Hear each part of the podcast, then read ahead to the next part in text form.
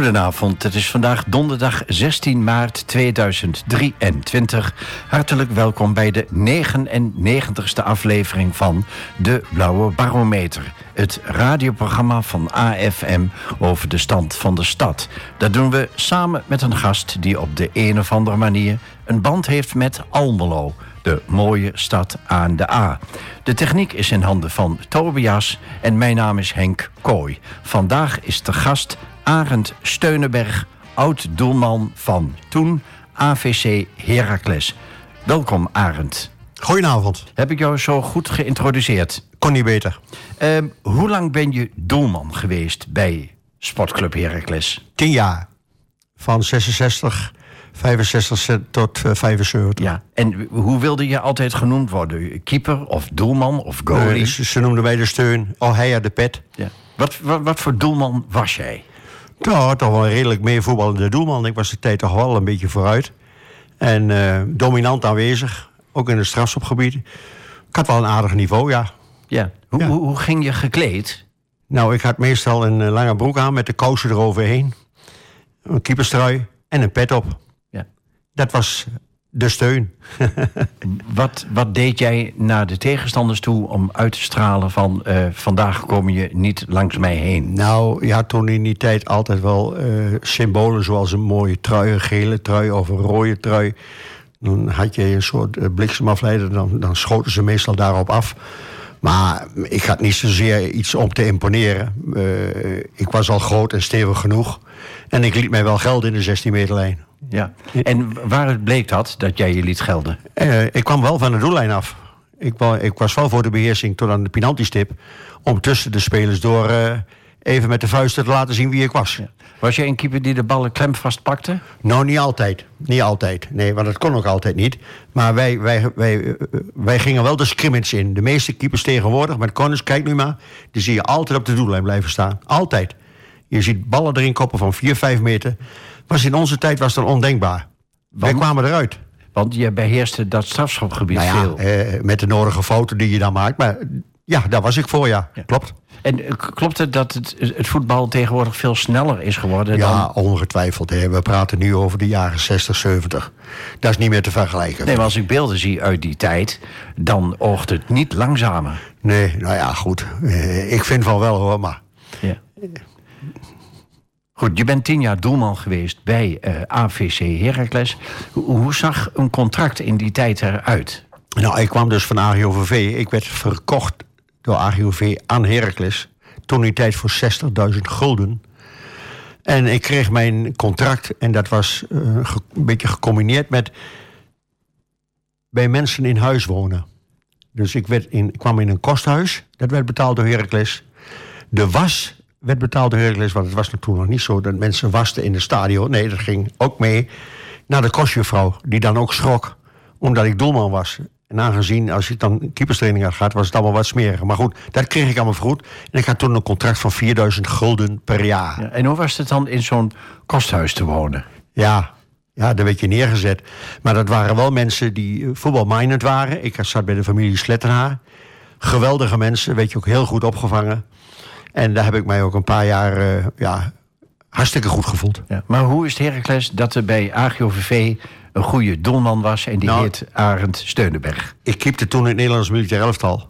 En daar stonden ook niet geringe spelers in. Epi Drost, Thijs Libres, Dick van Dijk, Wim Jansen. We een heel goed team. En toen zijn ze weer eens kijken in Leeuwarden. wonnen we 3-1 van uh, Turkije. En uh, ja, zo ben ik bij hun op de radar gekomen. Ook door Jan Mossing die van AGOV naar Heracles ging. Ja, het, moet allemaal lijntjes zijn. Ja. Ja. En hoe was het contact uh, tussen de keepers onderling uit die tijd? Ja, dat was wel goed. Als ik bij de vertegenwoordigde elftallen kwam... waar ik ook met Pim Doesburg heb gewerkt en ook Tom T. Piet Schrijvers is een leeftijdgenoot van mij, helaas al overleden. Ja, die kwam van AVC uit Amersfoort en ik uit AGOVV. Dus wij hadden best wel uh, goed contact met elkaar. Prima. Hoe, hoe zag de keeperstraining in jouw tijd eruit? Was er niet. Maar je prepareerde jezelf natuurlijk voor een wedstrijd. Maar er was geen keeperstrainer. Dat moest je concurrent doen. Tweede keeper. Ja. Of de hoofdtrainer die moest uh, de genoegen aan smaken om de keepers ook eens te trainen. Maar echt de keeperstraining was er toen niet. Maar waren, waren er nog speciale oefeningen of trainingen die je voor jezelf deed? Ik heb mijn basis gekregen bij AGOV in de jeugd. En daar hadden we een oud keeper die met de nodige oefenstof mij springst, uh, springoefeningen bijbracht, duikoefeningen bijbracht, posities kiezen in het doel, tactisch kijken van waar moet ik staan. Ja, dat heb ik allemaal wel zelf meegenomen. Had ik ook als bagage. Maar ik kon daar niemand... Ja, uh, er was gewoon geen trainer. Heel simpel. Ja. Je had het net over Piet Schrijvers, een, een tijdgenoot van jou. In De Beer van der Meer, de biografie over hem... Uh, beschrijft hij hoe hij zich altijd prepareerde voor een wedstrijd. Had jij ook bepaalde vaste gewoontes of rituelen? Ik, ik, ik, heb daar uh, niet echt over nagedacht, maar ik zal ze ongetwijfeld gehad hebben. Uh, maar ik heb niet specifiek iets van ik moet iemand een handje geven of, of, of, een klopje. Het enige wat ik wel eens mee heb gemaakt, dat als ik de kleedkamer uitkwam, dat Tom Erbus erboven stond en mij op de pet tikte. Toen in die tijd. Uh, dat kan ik me nog wel herinneren, maar ik heb daar geen specifieke herinnering aan. Hoe reageerde het publiek op jouw verrichtingen? Nou ja, ik was nogal een beetje een, uh, een Dus ik kwam er ook wel eens vaak uit. En uh, met het nodige enthousiasme. Maar goed, ik maakte natuurlijk ook fouten. Zo simpel is het. Marinus Blaak is een collega van mij bij Avisie. En we hebben het van de week natuurlijk over jou gehad. Hij is jouw baas geweest. Hij was overigens niets dan lof over jou. Maar eh, klopt het verhaal dat jij de fotograaf opbelde en zei... over tien minuten verricht ik een wereldredding. Kom alsjeblieft gauw een foto maken. Dat zou kunnen. Marinus zal zich dat herinneren en ik zal het hem ook verteld hebben. Maar ik, ik heb al meer van dat soort anekdotes. Dus uh, ja. dat, is, dat is niet zo vreemd als dat wel zo gebeurd is. Ja. Nee. Goed, even terug naar de contracten. Um, je, je, werkte naast je voetbalcarrière. Ja, ik, uh, ik kreeg mijn eerste contract op 17, 18 jaar geleden bij AGOV. Dat contract heb ik nog bij me. 1500 gulden per jaar. En was dat een boel geld voor die tijd? Ja, zeker weten. Ik heb de eerste twee mut kolen voor mijn vader gekocht voor de winter. Want er waren, ja, ik praat dan over uh, 18, ik was 45, 62, 63. Ja, ja, mijn vader was kolenboer in die tijd, dus nou. uh, ja, ik weet wat twee mut kolen is. Nou, nou en dat was uh, toen in die tijd heel veel. En, en, en ja, god, wij konden van dat contract never leven. En daarom heet het contract ook semi-profcontract. Ja, en waar heb je dan zoal gewerkt tijdens je carrière? Ja, ik heb daarnaast, uh, van school uit was ik dus uh, gestuurd naar de ambachtschool. En uh, fijnbankwerk instrumentenmaker diploma gehaald. Uh, daarna naar de automonteur gegaan, want ze zeiden, uh, daar zit misschien wel wat muziek in. Ook niet goed gegaan. Uiteindelijk kwam ik in de naaimachines terecht in Apeldoorn. Naast mijn voetbal. Dus toen ik naar Herakles ging, werd er ook voor werk gezorgd. Dat zeiden ze toen. Hè. Dat, dat, maakte dan wel indruk. Nou, met een half jaar was ik daar alweer weg bij Bendien. Want er was een grote reorganisatie. En de textiel ging toen hard naar beneden. Ik hoorde je van Marinus Blaak dat, dat jij ook bij Texas Instruments hebt gewerkt. Ja, nee. Hoe, hoe kwam je daar dan terecht? Daar kwam ik door een, een ambtenaar van de uh, arbeidsbureau, meneer Hogeveen. Ik zal hem nooit meer vergeten. En tegen mij zei, Arend, je hebt nu lang genoeg bij de deur gelopen naast het voetbal. En was dat terecht? En terecht, ja, ja we speelden mooi weer. We waren zogenaamd vulprof, maar daar waren we niet eens. Ja, dat deden we gewoon. Dus ik naar Texas. Onderhoudsmonteur geworden. En daar hadden ze toch nog wel behoefte aan leidinggevende mensen. En daar hebben ze ontdekt, wat ik zelf al wel wist, dat ik ook leiding kon geven. En vandaar dat ik daar carrière heb gemaakt tot supervisor. Nee, ik heb Marinus niet horen klagen over je hoor. Ik was er voor de mensen, maar de mensen waren er ook okay. voor mij. Na de gebruikelijke vier stellingen aan de gast vraag ik je over de eigenschappen van een keeper.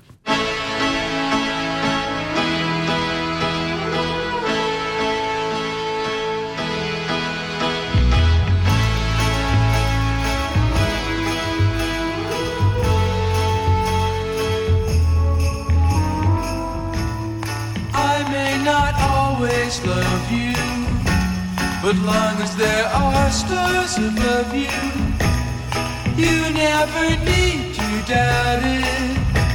I'll make you so sure about it. God only knows what I'd be without you.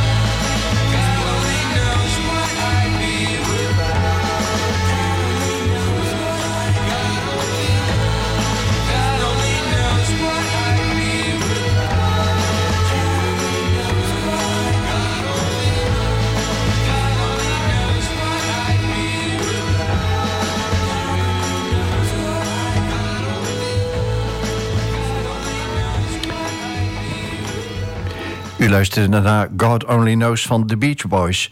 Um, Arend Steunenberg, we gaan naar stelling 1. Het staat als een paal boven water. Goede kippers worden niet gemaakt, maar geboren. Dat klopt. Het talent moet je hebben. En eh, gekoppeld daaraan moet je ook durf en harding hebben.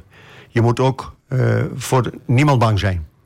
Stelling 2. De outfit van een doelman moet duidelijk uitstralen dat je niet te passeren bent. Helemaal mee eens. Omdat wij, wij toen in die tijd ook altijd wel de tips. Geel shirt aan. Ik had een geel shirt altijd aan. Dat, dat leek imposant. En ik had altijd het idee dat ze daarop probeerden te schieten. Dus niet in de hoeken, maar op dat gele vlak. Ja. In, in het boek wat ik eerder noemde, eh, De Beer van der Meer, beschrijft Piet Schrijvers ook waarom hij altijd een bepaald eh, eh, kleur en soort shirt aantrok. Klopt. Stelling 3. Als een penalty goed wordt genomen, ben je als doelman eigenlijk bij voorbaat kansloos. Helemaal mee eens. Maar je moet proberen als keeper de speler te beïnvloeden. En, en hoe doe je dat dan? Nou, wat ik altijd deed, ik stond op de middellijn en ik dreigde altijd naar mijn zwakke hoek.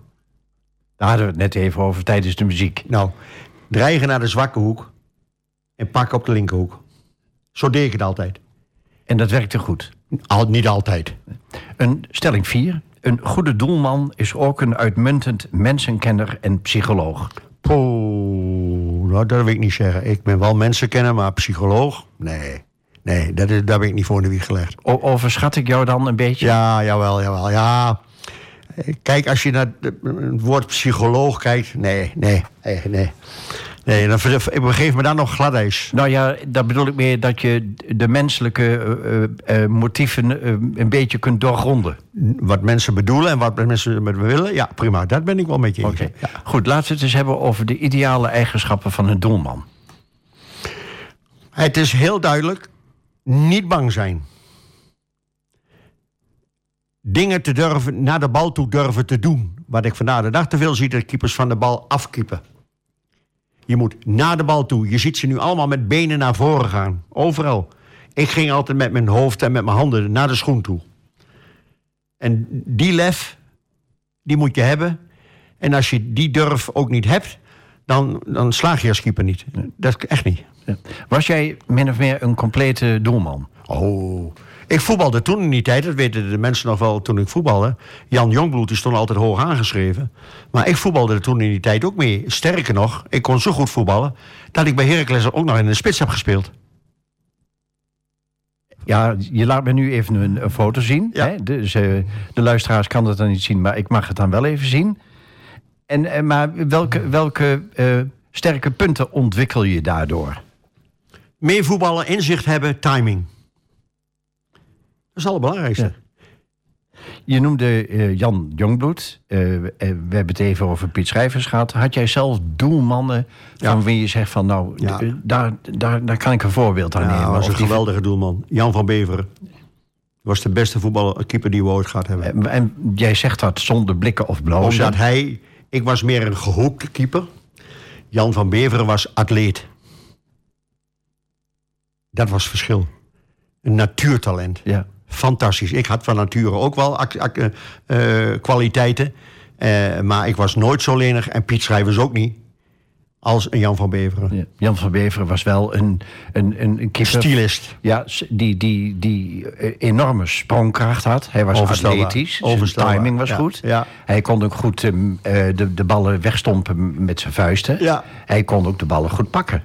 En, eh, hij was een hele complete keeper en de beste van Nederland. Ja. Wat vind je tegenwoordig eh, goede doelmannen?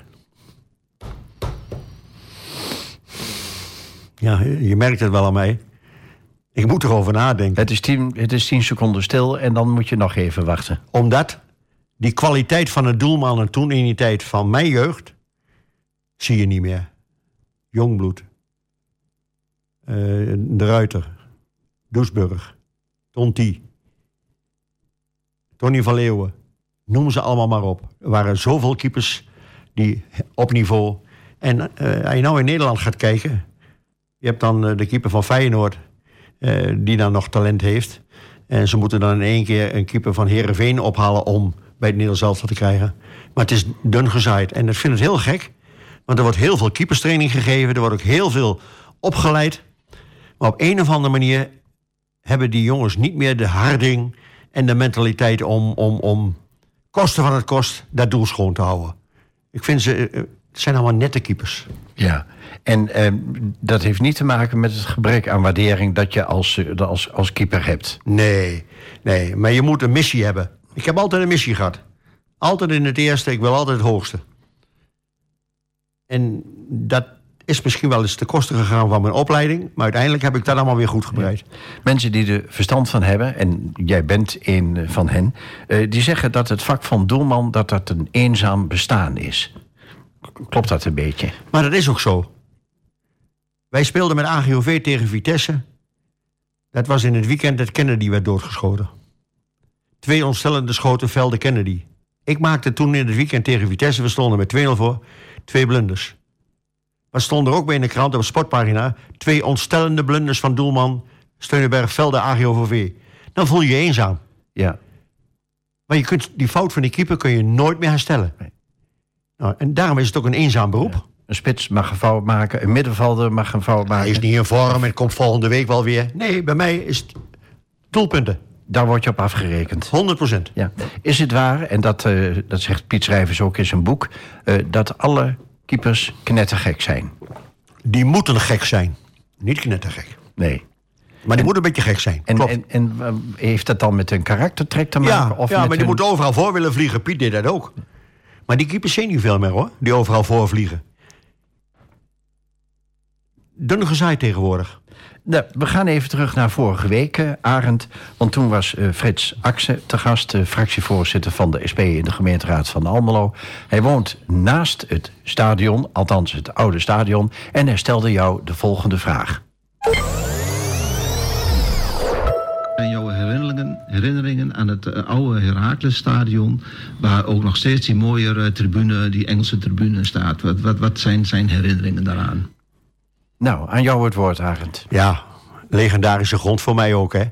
En voor heel Heracles in de begin 60 jaren eredivisie. En in de tijd dat ik er gespeeld heb, heb ik altijd nog de mooiste wedstrijd meegemaakt in 74 tegen Ajax. Europa Cup winnaar, die we in de verlenging versloegen met 4-2. Met eh, wagens, met mensen eromheen, 10.000, regen, regen, regen. Ja, voor mij is dat ook een historische, heeft een historische betekenis. Ja. Net zoals de, de supporters van, eh, van FC Twente zich de wedstrijd in 1968 herinneren... dat ze Ajax met 5-1 versloegen. En dat moest dan toevallig ook nog in de stromende regen zijn. Klopt. En niemand had in de gaten dat het regende. Klopt. We gaan eh, ook even eh, vooruitblikken naar volgende week. Dan is het de honderdste aflevering. En wie dan te gast is, eh, dat is nog even een verrassing. Maar wellicht kun je hem of haar een, vast een algemene vraag stellen. Nou, ik zou van hem of haar wel willen weten hoe ze nu denkt over de binnenstad van Almelo. En daarmee aan gekoppeld, want dat, dat fascineert mij nog wel omdat ik veel wandel, de natuur die zo dicht bij de stad ligt. Wat zij daarvan vindt of hij daarvan vindt. Nou, dat is een korte vraag. Eh, eh, Over Almelo gesproken, wat vind je van Almelo? Want je bent daar dus eh, op een gegeven moment eh, nou, in een kostgezin terechtgekomen. En eigenlijk niet meer weggegaan, volgens mij. Nee, ik ben één keer weer teruggegaan. Omdat mijn vrouw eindweer had, ben ik naar Apeldoorn twee jaar teruggegaan en weer hierheen gekomen. Dus in principe is het altijd Almelo geweest. Ben er wel gaan houden van het stadje. Ja, nou, je, kunt een vergelijking trekken van Almelo de midden jaren 60, de midden jaren 70. En eh 40 jaar later, 50, zoals nu. Welke verschillen zie je dan? Nou, toen kwam ik niet in de stad. Zelden. En nu kom ik altijd in de stad. Ik zit altijd bij Niels koffie te drinken met een vaste groep. Ehm, ik vind het een warme stad. Uh, Almelo is heel goed in ontwikkeling gegaan. De structuur staat mij ook aan. Eh, je, voor elk wat wils. Of het nou het Amaliaplein is, of eh, bij, eh, bij Niels, of bij eh Wetshuis. Perfect. Ja. Was jij trouwens een gedisciplineerde doelman? En, en hoe bedoel je? Nou ja, sommige mensen die houden nog wel van nou, wijntje en treintje. En nemen de discipline als prof niet zo serieus. oh, wijntjes, drink- ik drink helemaal niet. Nee. Ik heb nog nooit alcohol gedronken. Maar je hebt altijd wel. Ja, maar in de goal maak ik wel eens grapjes natuurlijk. Ja, en ik maak ook wel eens dolletjes met, de- met de bal. Eh, mannetje passeren, meer naar voren gaan. Ja, dat was, ik was vol voor entertainment. Oké. Nou, eh, zometeen vraag ik je over enkele Nederlandse doelmannen. Daar hebben we het al een klein beetje over gehad.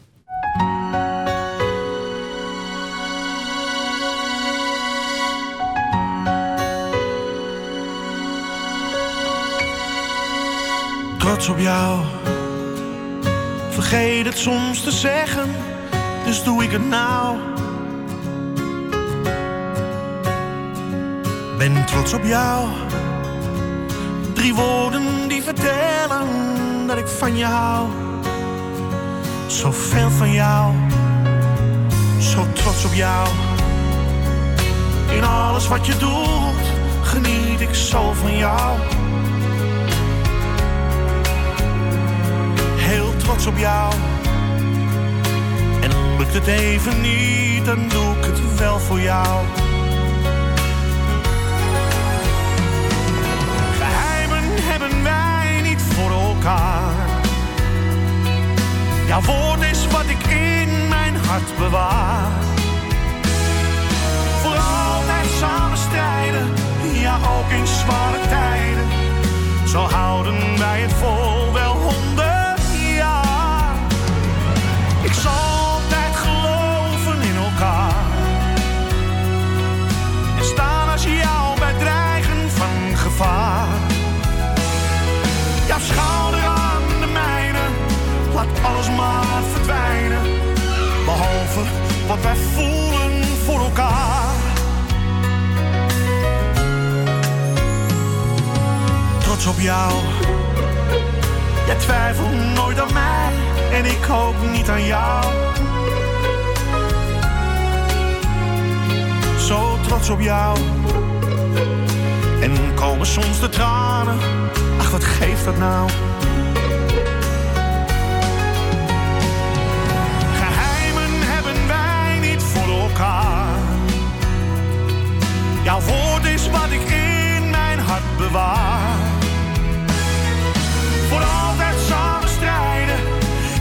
In zware tijden. Zo houden wij het vol wel honderd jaar.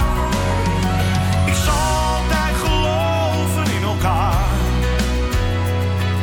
En staan als jou bij dreigen van gevaar.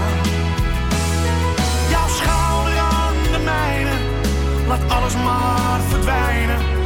Behalve wat wij voelen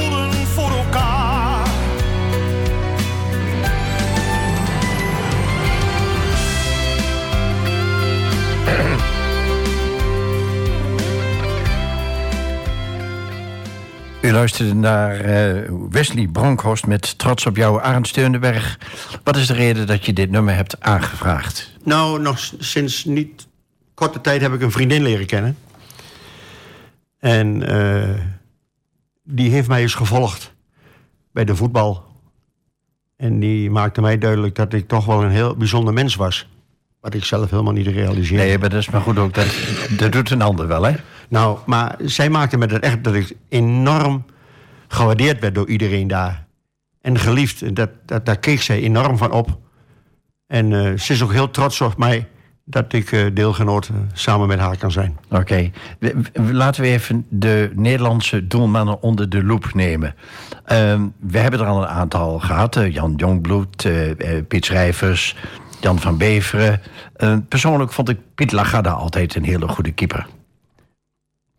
Ja, voor zijn lengte, eh, maar hij was niet al te groot, Hij was niet bijster groot. eh, heeft hij een goede carrière gemaakt. Helaas, eh, via eh, een, een nier Ja, eh, die hij moest missen na een ongeluk met, Ja. ik dacht, Pieter Butter van... Piet Butter van Ja. Een Ja. ongelukkige botsing, denk Klopt. ik. En toen moest hij Maar- niet eh, missen, hè? Hij heeft wel alles uit zijn carrière gehaald. Ja. Maar hij was, zat ook net niet aan de top. Eddie Pieter Schraafland. Ja, maar dat was een hele gewone, sobere keeper. Maar ik werd daar niet, waar, ik werd daar niet warm van. Nee, Nee, ik werd, hij is toen ook naar Feyenoord toegegaan vanuit Ajax. Eh, hij heeft altijd eh, solide gekiept in, in, in het Nederlands elftal. Maar het Nederlands elftal speelde toen ook niet op een zo'n hoog niveau. Hè, met Vaas en Abe, iedereen romantiseert het allemaal wel. Maar Bergkamp was wel iets van andere orde, om maar een voorbeeld te noemen. En Van Basten, toch? ja. Dus, eh, ja, ja, Frans de Munk? Ja, Frans was voor mijn tijd. Ik heb hem op latere leeftijd nog ontmoet. Ik heb bij AGUV ook nog eens een keer in de spits gespeeld. En toen speelden we ook tegen Vitesse en stond Frans de Munk in de goal. Dus ik ben hem nog wel eens tegengekomen. Ook later als trainer wel. Gentleman. Het was een gigantische gentleman. Eh, maar in zijn keepersvak ja, heb ik hem niet zo vaak aan het werk gezien. Ja. Laten we eens naar het buitenland gaan. Eh, een van de beste keepers, althans die ik beste keeper vond, dat was Lev Yashin.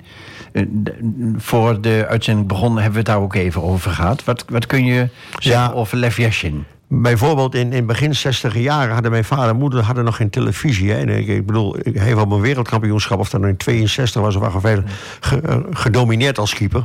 En heeft, eh, is ook uitgeroepen geweest als de beste keeper van de wereld. Maar ik heb daar niet zo goed beeld van. Wel eh, knielapjes, eh, stijlvol. Maar nee, hij, staat mij niet zo goed op het netvlies, ben ik heel eerlijk in. Het schiet me te binnen, Soran Misic bij FC Twente. Heb jij die nog gekend? Ja, Dat vond ik ook een, een beetje een showkeepertje. Maar hij, pakte wel de, hij plukte wel de ballen hoog uit de lucht, hè? hij kwam er toen in, in, in, in het ber- beroemde jaar van 68. Ja. En toen keepte hij. Dat was een showkeeper. Ja, Eerste klas. Klopt. ja. Ehm, is het vak van keeper de laatste jaren veranderd? Ja.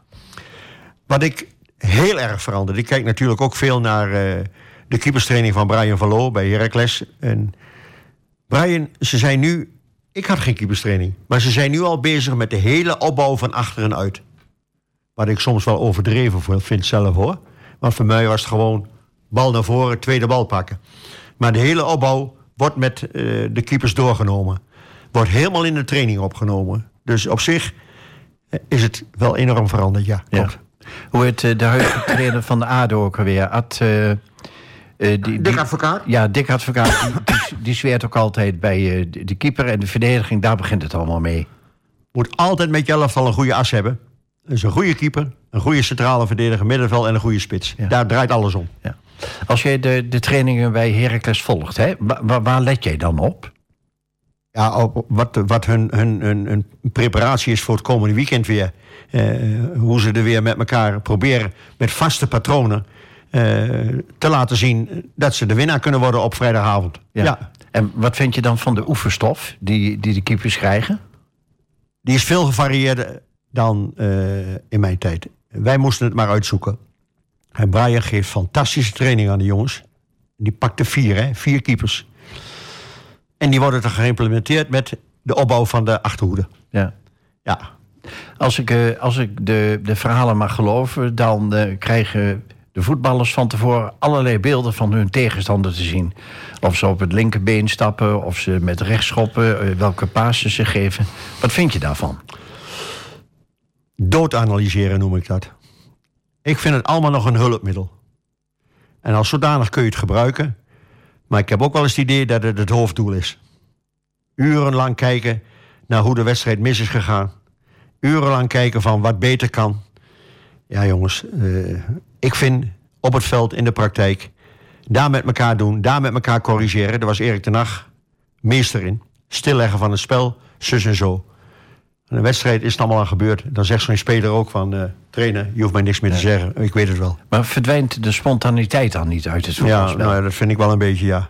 Maar Aan de andere kant, de trainer mag ook weer niet te vaak verliezen. Ja, maar dat spanningsveld zit hij altijd in. Eh, maar er zijn ook trainers bij. We hebben Peter Bos gehad. Die ging voor aanvallend voetbal. En dan kon het wel eens een keer 5-3 worden. Of 3-5. Vermaak. Ook goed resultaat. Het is en blijft een tactisch spelletje. Ja, maar zolang jij dus de druk op de tegenstander houdt...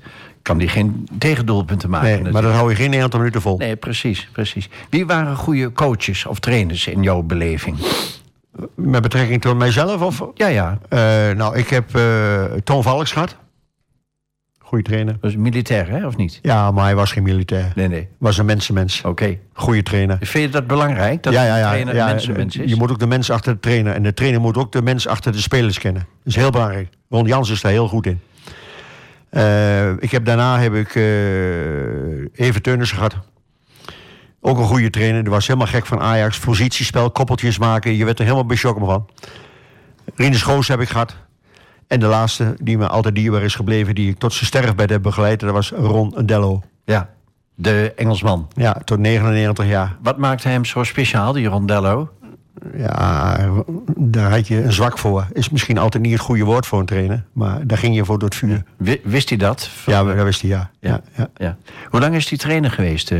Een jaartje of vier, vijf. Ja, bij Heracles, hè? Ja, ja, ja. ja. Ja. ja. Welke, welke trainer heeft jou beter gemaakt? Poeh. Of jou zodanig begeleid dat jij het beste uit jezelf kunt halen? Ja, laat ik zo zeggen. Niet, niet in betaald voetbal. Nee. Dat was in de jeugd. Dat was de keeper van AGOVV, Henk Bremer. Die heeft mij op 12, 13-jarige leeftijd de oefenstof gegeven... die ik nodig had om mij verder door te ontwikkelen. Zometeen vraag ik je alles over de mentale krachten in de sport.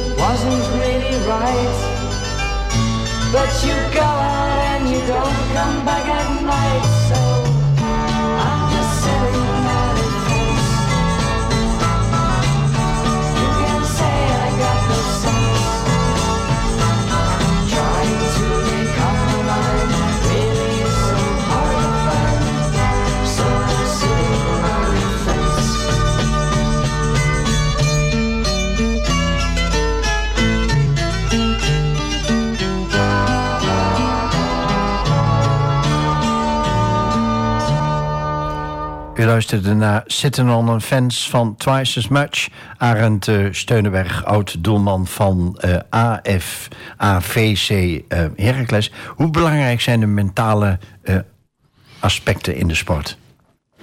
Erg belangrijk. Het heeft te maken met lichaam en geest. En als je geestelijk niet opgewassen bent tegen de prestatie die je moet leveren, laat je lichaam je ook in de steek. Ja. Dat hoort met elkaar. Eh, Fred Rutte die heeft mij eens verteld eh, dat hij eh, aan transcendente meditatie deed. Om in een bepaalde flow te komen voor de wedstrijd. Ja. Deed jij ook dat soort Nee, dingen? flauwekul. Voor mij. Het moet, het moet bij je passen. Maar jij had het niet nodig. Nee. Je kent het boek ongetwijfeld van Joris van den Berg, De mysterieuze krachten in de sport. Ik ken het, maar ik heb het niet gelezen. Nee, nee, nee. Nou, daar gaat hij dus in hoe belangrijk het eh, mentale aspect is in de sport. Misschien wel het allerbelangrijkste. Het is het allerbelangrijkste. Ja. Eh, laten we even naar je kwaliteiten als keeper teruggaan. Was jij een goede penaltykeeper? Ja, ik, ja, wat hele goede penaltykeeper. Ik heb een keer de kwartfinale gehaald bij, met, eh, met Heracles bij NAC. En daar heb ik toen twee penalties mogen stoppen. En zelf er ook nog eentje genomen, dus toen gingen we door. Nee, ik kan niet zeggen dat ik nou een, een penalty specialist was, nee. Waar moet je tegenwoordig als doelman op letten bij strafschoppen bijvoorbeeld? Of, eh of hoekschoppen? Nee, je hoeft nergens op te letten. Je moet je eigen idee erop loslaten. En ik had maar één idee voor mezelf. Wij mochten toen op de lijn staan. Ik maakte de beweging met mijn lichaam naar mijn zwakkere hoek. Om daarheen te duiken. En dan dook ik naar de andere kant. Ja. En En, hoe- en dat was ook wel eens raak. Hoe compenseerde je je zwakke kanten? In, in die zin Ja, dat die je- train, je- die train je wel. Hè? Ik bedoel, ik ben later wel daar heel veel op gaan trainen. En, veel oefeningen op gaan doen. Maar het is en blijft, door je afzet van je been... blijft het toch je zwakkere kant. Ja. Nou wordt voetbal meestal door het hele jaar eh, gespeeld, hè? zomer en winter. Mhm. Had je nog voorkeur voor een bepaald jaargetijde? Nee, wij moesten altijd voetballen. Ik kan je nog foto's laten zien, dik pakken sneeuw. Daar voetbalden we gewoon op. Het werd nooit afgelast. Hoe je het ook wende of keert. Ik had er geen voorkeur in. En, Had, tra- en trainen in weer en wind? had zijn charme. Geweldig. Ja, Nooit kerel van. zeker. Ehm, meestal staat er ook wel een partner achter de sportman. Hoe was dat bij jou? Nou ja, mijn, mijn, mijn eerste vrouw dan, die, die heb ik leren kennen als 16-jarige al. Die leerde mij op voetbalveld kennen. En dan wist ze al wat mijn drijf was, wat mijn eh, passie was. En die is ook met me meegegaan naar, eh, naar Almelo toe. En, en die heeft altijd achter mij gestaan. Maar op, een- op een gegeven moment eh, had ze heimwee. En toen wou ze begin 80 jaar toch weer terug naar Apeldoorn. En ja, toen is het allemaal een beetje misgegaan, helaas. Ja. Maar ja, misschien, kijk, en dan kijk ik naar mezelf. Misschien had ik er wat aan kunnen doen. Maar oudste zoon heeft altijd gezegd... Pa, jou valt niks te verwijten. En daar ben ik altijd nog wel blij mee. ja. Eh, hoe belangrijk is een partner voor een sportman of een sportvrouw? Ja, het is hartstikke belangrijk eh, eh, dat je je gesteund voelt. En, en daarnaast bracht je ook nog wel wat centjes in, de, in, in, in huis. Hè. Laat er geen misverstand over zijn. Dus het was niet zo dat ik van de eerste en tweede en derde helft was. Het waren meestal die amateurs die dan het nodige vertierden in de kantine. Maar ik heb altijd geld in huis gebracht. Dus ja, maar er was geen andere keus. Ook bij mij niet. Misschien was ik daar te egoïstisch in. Voetbal was mijn passie, punt. En daar moest alles voor wijken. Ja, bijna alles, ja. Tijdens de muziek heb je op je smartphone je eerste contract laten zien, dacht ik. Ja. Hoe zag dat eruit? Nou, ik zeg je, het was een contract waarin ze maximaal niet meer hoefden te betalen als 1500 gulden per jaar. En bij een overwinning kreeg je 25 gulden voor eh, een overwinning. En je kreeg eh 15 voor een gelijkspel. Je kreeg ook nog een tientje voor verlies. En drie trainingen in de week was drie keer vijf gulden.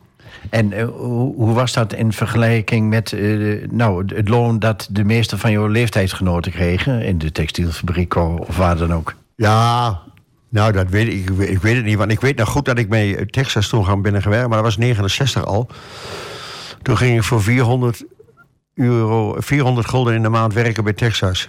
En dan had je bij de voetbal, ja, had je dan toch altijd nog wel iets meer hoor. Ja, ja, ja. Nou, zometeen vraag ik je over je herinneringen aan je mooiste wedstrijden.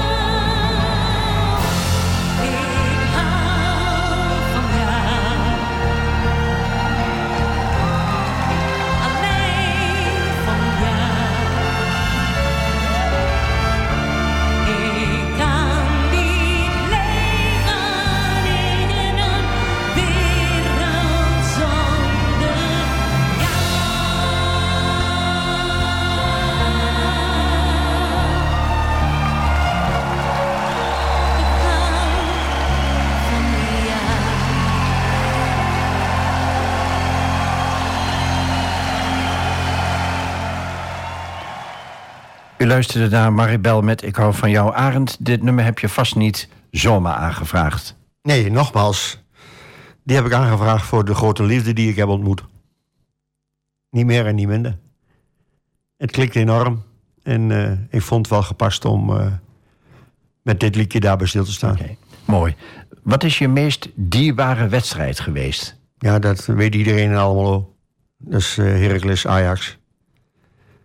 25, nee, 28 december 1974. En de mensen die jou destijds hebben meegemaakt en jou opnieuw tegenkomen tegenwoordig, die zeggen nog steeds: Weet je nog, Arend? 100 procent. Oké. Dat was ongelooflijk. Ehm, wat is je moeilijkste wedstrijd geweest? Nou, dat was die wedstrijd ervoor. Wij moesten toen naar Eindhoven. En daar verloren we met 7-0. Dat was wat. Ik denk, Arend, sta jij er nog wel in tegen Ajax? Toen heb ik een hele moeilijke week gehad. Want er zaten best wel calls bij waarvan je, zou zeggen, nou beste vriend. Er zaten wel een paar slippertjes bij. Omdat we allemaal al een beetje met Ajax bezig waren, vergaten we deze wedstrijd. Ik denk dat ik nou maar geen straf krijg. Maar ja, goed, ik was aanvoerder, dus ik was daar nog niet zo bang voor. Maar het gebeurde ook niet, gelukkig. En dat mechanisme speelt nog steeds. Eh, voorafgaand of volgend op een belangrijke wedstrijd is een club het meest kwetsbaar. Ja, maar is ook zo. Dat is ook zo. Dat heb ik nu nog steeds eh, als ik met eh, ons eerste team. zoals morgen is het weer een belangrijke pot. Als maar niet, als maar dat. Dus ja, dat blijft Ja. altijd. Iedere gast krijgt ook een aantal standaardvragen voorgelegd. En eh, ik wil je vragen of jij je nog kunt herinneren waar je als 16-jarige knaap van droomde. Of wat je ideaal was. Ja, keeper worden van Nederlands elftal. dat was alles. Ja. Ja. En dat ben je niet geworden. Nee, ik, ik, heb het, ik, ben, ik heb het geschopt tot reserve bij Jong Oranje. En ik ben keeper geweest bij Nederlands militair elftal met zeer goede voetballers in die tijd. Ja. Maar het lag vast niet aan jou dat jij niet verder bent doorgegaan. Jawel, tot... jawel. Het ligt altijd aan jezelf. Dat ligt niet aan anderen. Ja. Het ligt, tuurlijk kwam ik uit het oosten. Wij moesten ons dubbel bewijzen als we naar Zeist gingen. Dat klopt. En je moet daar ook een beetje geluk mee hebben. Maar ik heb ook geleerd... goede inzet, alles te veroveren hebben... kun je geluk ook dwingen. W- Waar komt dat verschil vandaan tussen eh, West en Oost of andersom? Nou, dat is altijd wel een beetje geweest. De brani die hun hebben. Maar ze vergisten zich. Er kwamen ook wel mensen uit het oosten die brani hadden. Maar we lagen altijd een streepje achter. En, eh, en, en dat was gewoon zo. Hè. Wim Zuurbier heb ik ook meegespeeld in het Nederlands eh, militair elftal. En uh, ah, joh, de voetballers komen toch uit het wijze... De, eh, ik zei, ja, maar de wijzen komen uit het oosten. Ja. Maar meer kon je ook niet zeggen. Ze waren rap van de tong. Gebruikten alle middelen om, om, om, om zich in het elftal te, eh, te praten. Eh Elik Zwarts was toen trainer bij de 16, 18. En dan kwamen de jongens van Ajax met een briefje van de trainer. Die gaven ze dan even aan hem zo. Ja, dat deden wij allemaal niet. Wij waren bleu. Ik was ook 16 jaar. eh trainingskamp van drie dagen in Zeist. Was ik al lang blij dat ik erbij was.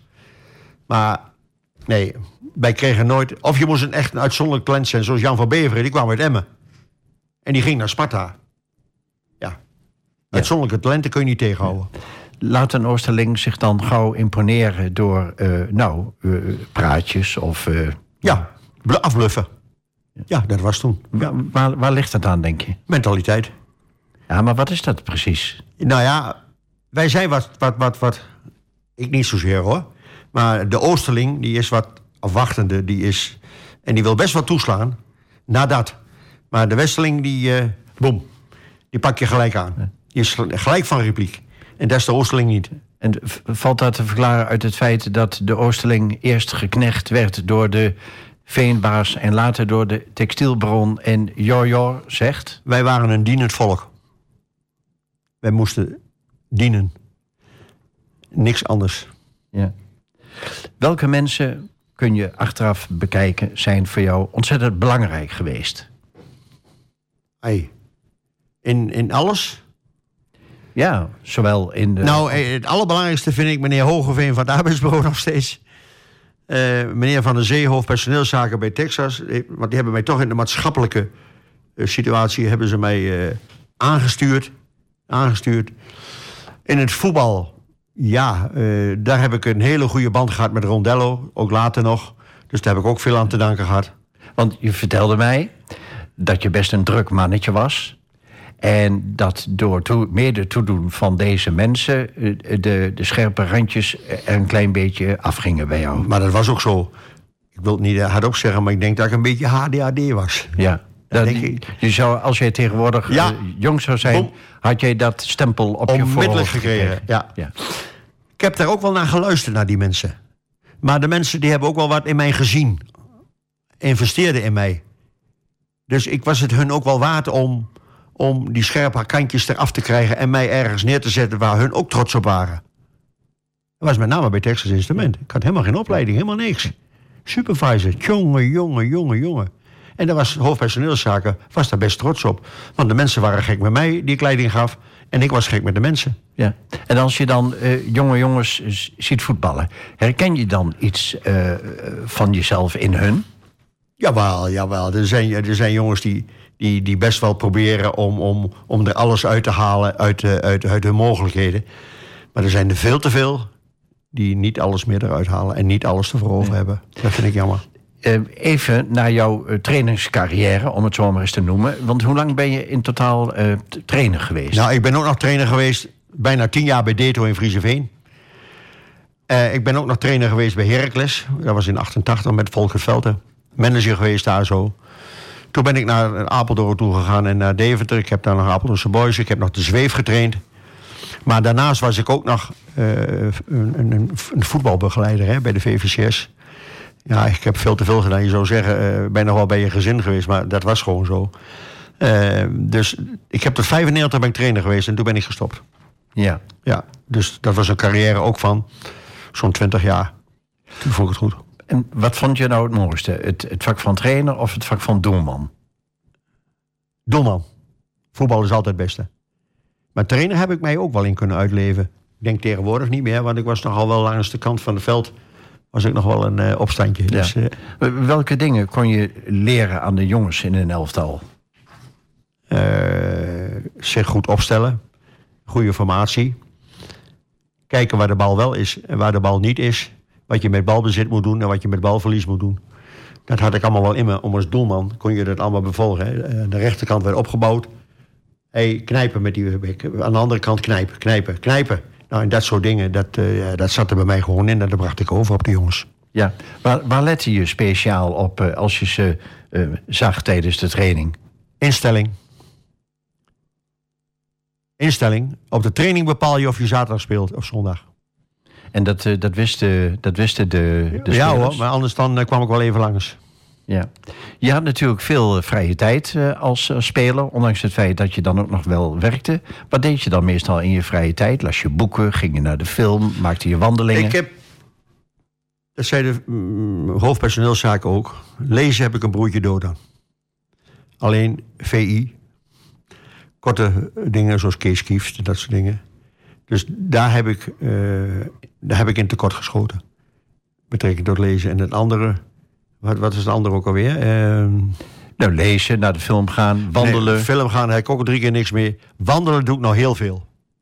Met name in de mooie natuur. In Almelo, de Doorbraak en de Gravenallee. Ja.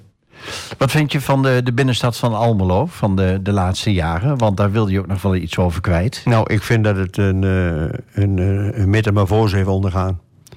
Eh, heel veel activiteiten kunnen daar nu plaatsvinden. De jeugd, met name die schaatsbaan, geweldig allemaal. De markt heeft nog steeds een plekje, alhoewel die niet meer zo groot is als die was. Een goede eethoek met eh, vis en, en, en, en, en patat en noem alles maar op. Maar ik vind ook, het Amaliaplein vind ik een geweldige eh, trekpleister geworden. Nou, het Wetshuis heeft zijn plek nu ook daar. En Niels heeft ook zijn plek.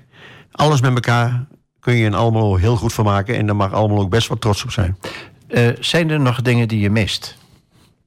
Ja, ik heb het net al wel losgelaten. Ik vind dat we te weinig duidelijk maken aan buitenlanders, buitenstand die in Almelo komen. Die lopen door de stad heen. Maar we zouden eh, hun duidelijk moeten kunnen maken hoe snel je in Almelo naar de natuur kunt. Hoe dichtbij de natuur is. Dat is onvoorstelbaar. Als je de re- rechter Limburg singel. In feite hadden we daar een tunnel of zo onderdeel moeten maken. Maar dat had één geheel moeten worden met de stad. Fantastisch toch? Er zijn maar weinig steden waar dit zo is hoor. Waar de natuur en de binnenstad zo dicht bij elkaar liggen. En ik denk dat heel veel buitenlanders, met name mensen van Preston Palace, daar onvoldoende op gewezen worden.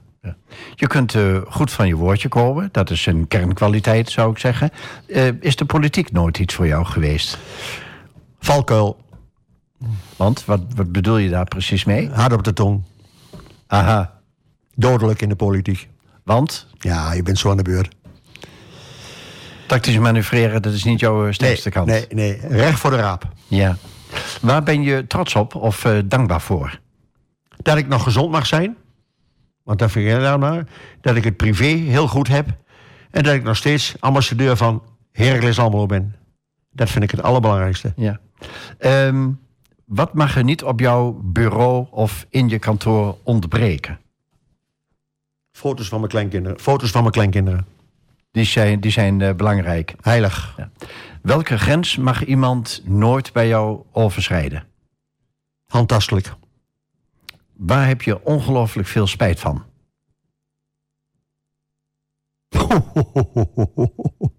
Eh, dat ik bij Heracles niet alleen met mijn kwaliteiten ben bezig geweest, maar ook met andere mensen om daarvoor op te komen. Waar wil je s'nachts voor wakker worden gemaakt? Voor mijn vriendin. Wat is je ideale reisbestemming? ja, ik heb al heel veel gezien, maar ik vind het liefste als strand eh, Spanje. Wat is je favoriete manier om een vrije dag door te brengen? Lekker relaxen, bij Niels zitten, bij Wetshuis zitten en op Haliaplein en genieten. Wat staat er nog hoog op je bucketlist? Ja, ik heb maar één bucketlist, jongens. Gezond blijven. Als je op een onbewoond eiland mag bivakeren, wat gaat er dan sowieso in je koffer mee? Oei, oei, oei, oei, oei, oei, oei, oei, oei. Nou, dit is dan de primeur vanavond. Ik moet je het antwoord schuldig blijven. Wat zou je nooit weer over willen doen? Oeh, nooit weer over willen doen.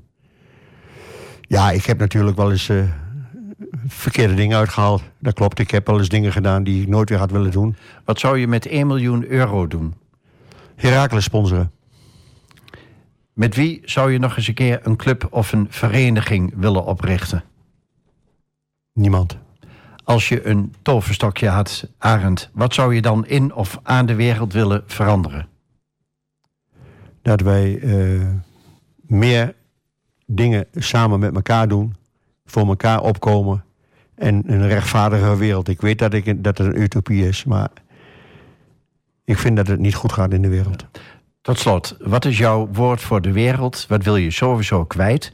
Omdat je er vol van bent of omdat je gewoon vindt dat iedereen dat moet weten? Bijvoorbeeld, Zeg maar. ja, wat zouden ze nou van mij moeten weten? Zeg het maar, ja.